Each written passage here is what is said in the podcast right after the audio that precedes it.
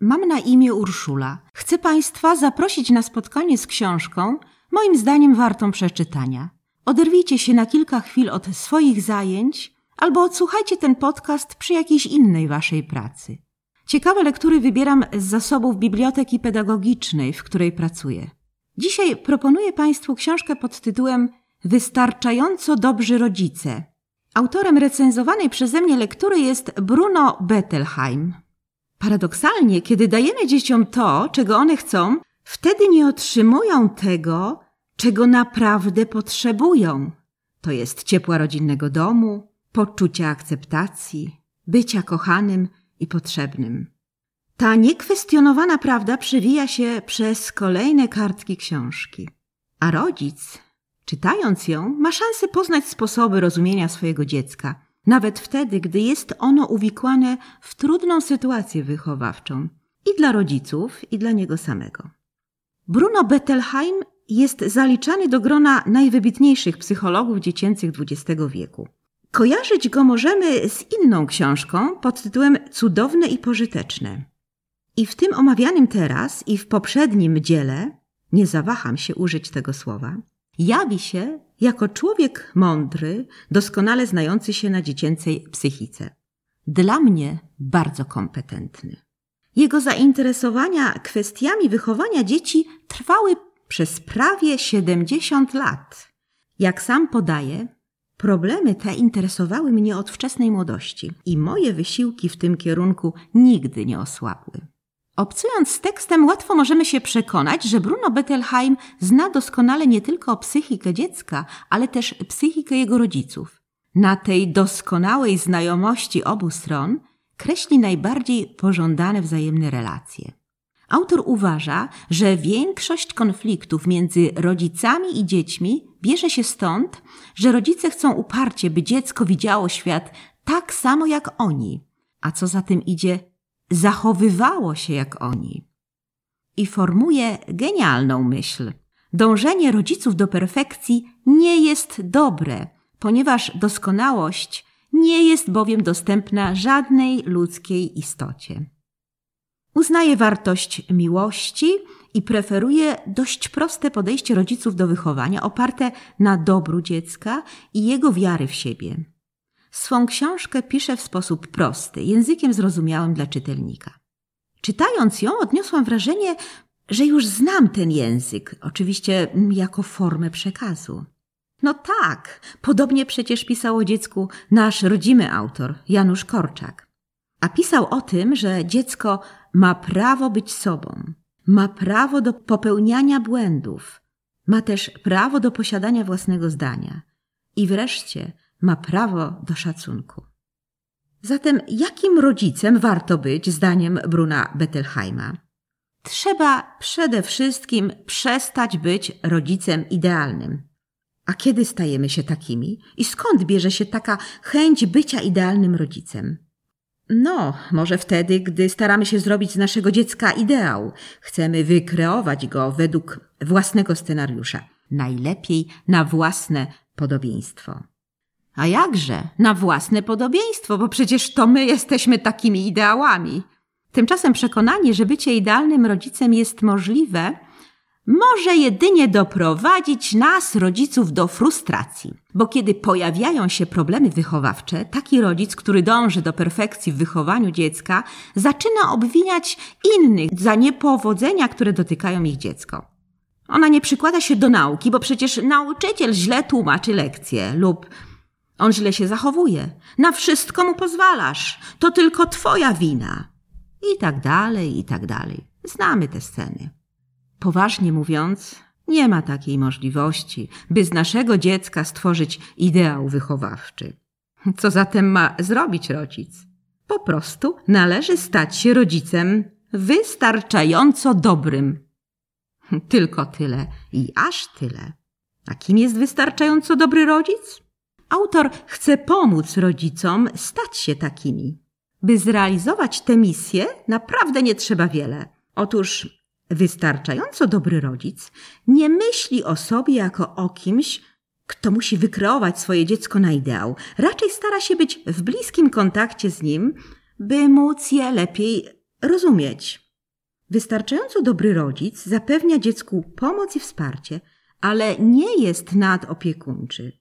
Daje mu wsparcie, gdy tylko zajdzie taka potrzeba. Idźmy więc za tym, co mówi do nas autor, i spójrzmy na dziecko, starając się w każdym momencie zrozumieć motywy jego postępowania. Gdy dziecko na przykład upuszcza jakiś wartościowy przedmiot i rozbija go, ojciec czy matka są zwykle zirytowani jego niezręcznością.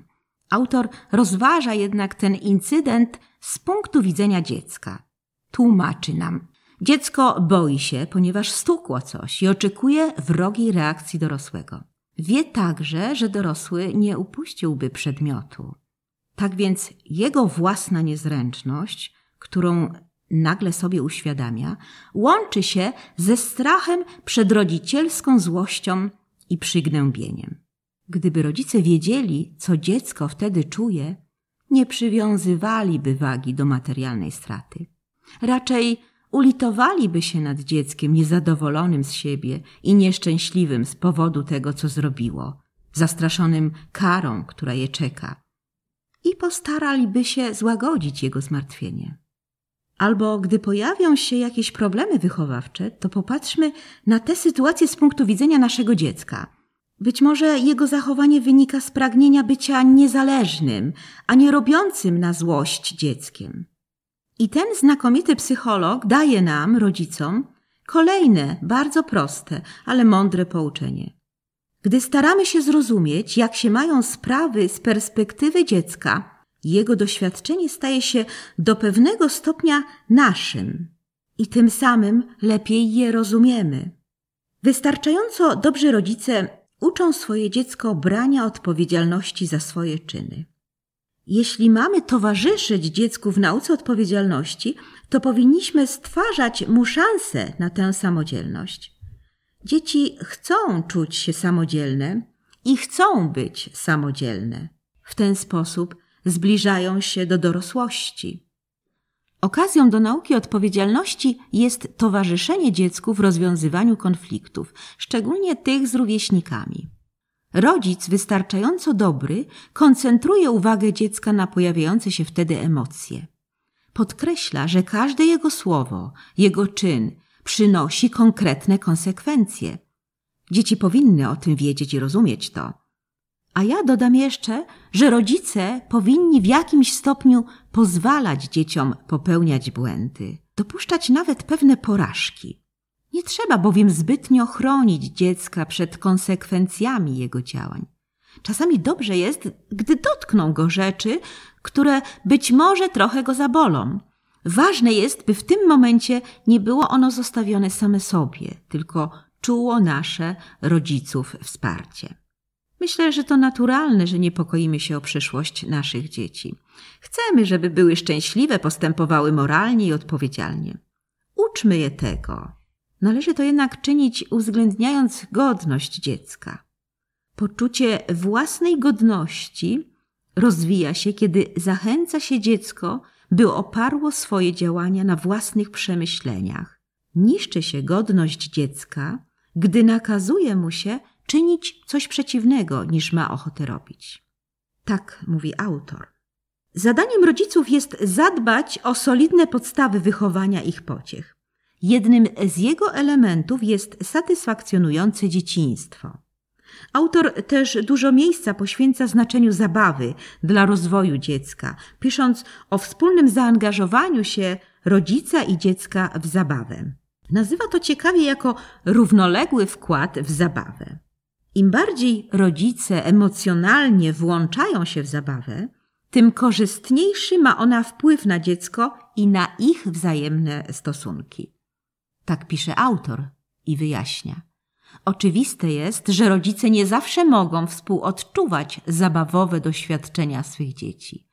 Ale jeśli rozumieją i akceptują istnienie rozbieżności pomiędzy nimi a dzieckiem, z pewnością potrafią uświadomić sobie potrzeby, przewidywania i pragnienia, które ono wyraża za pośrednictwem zabawy.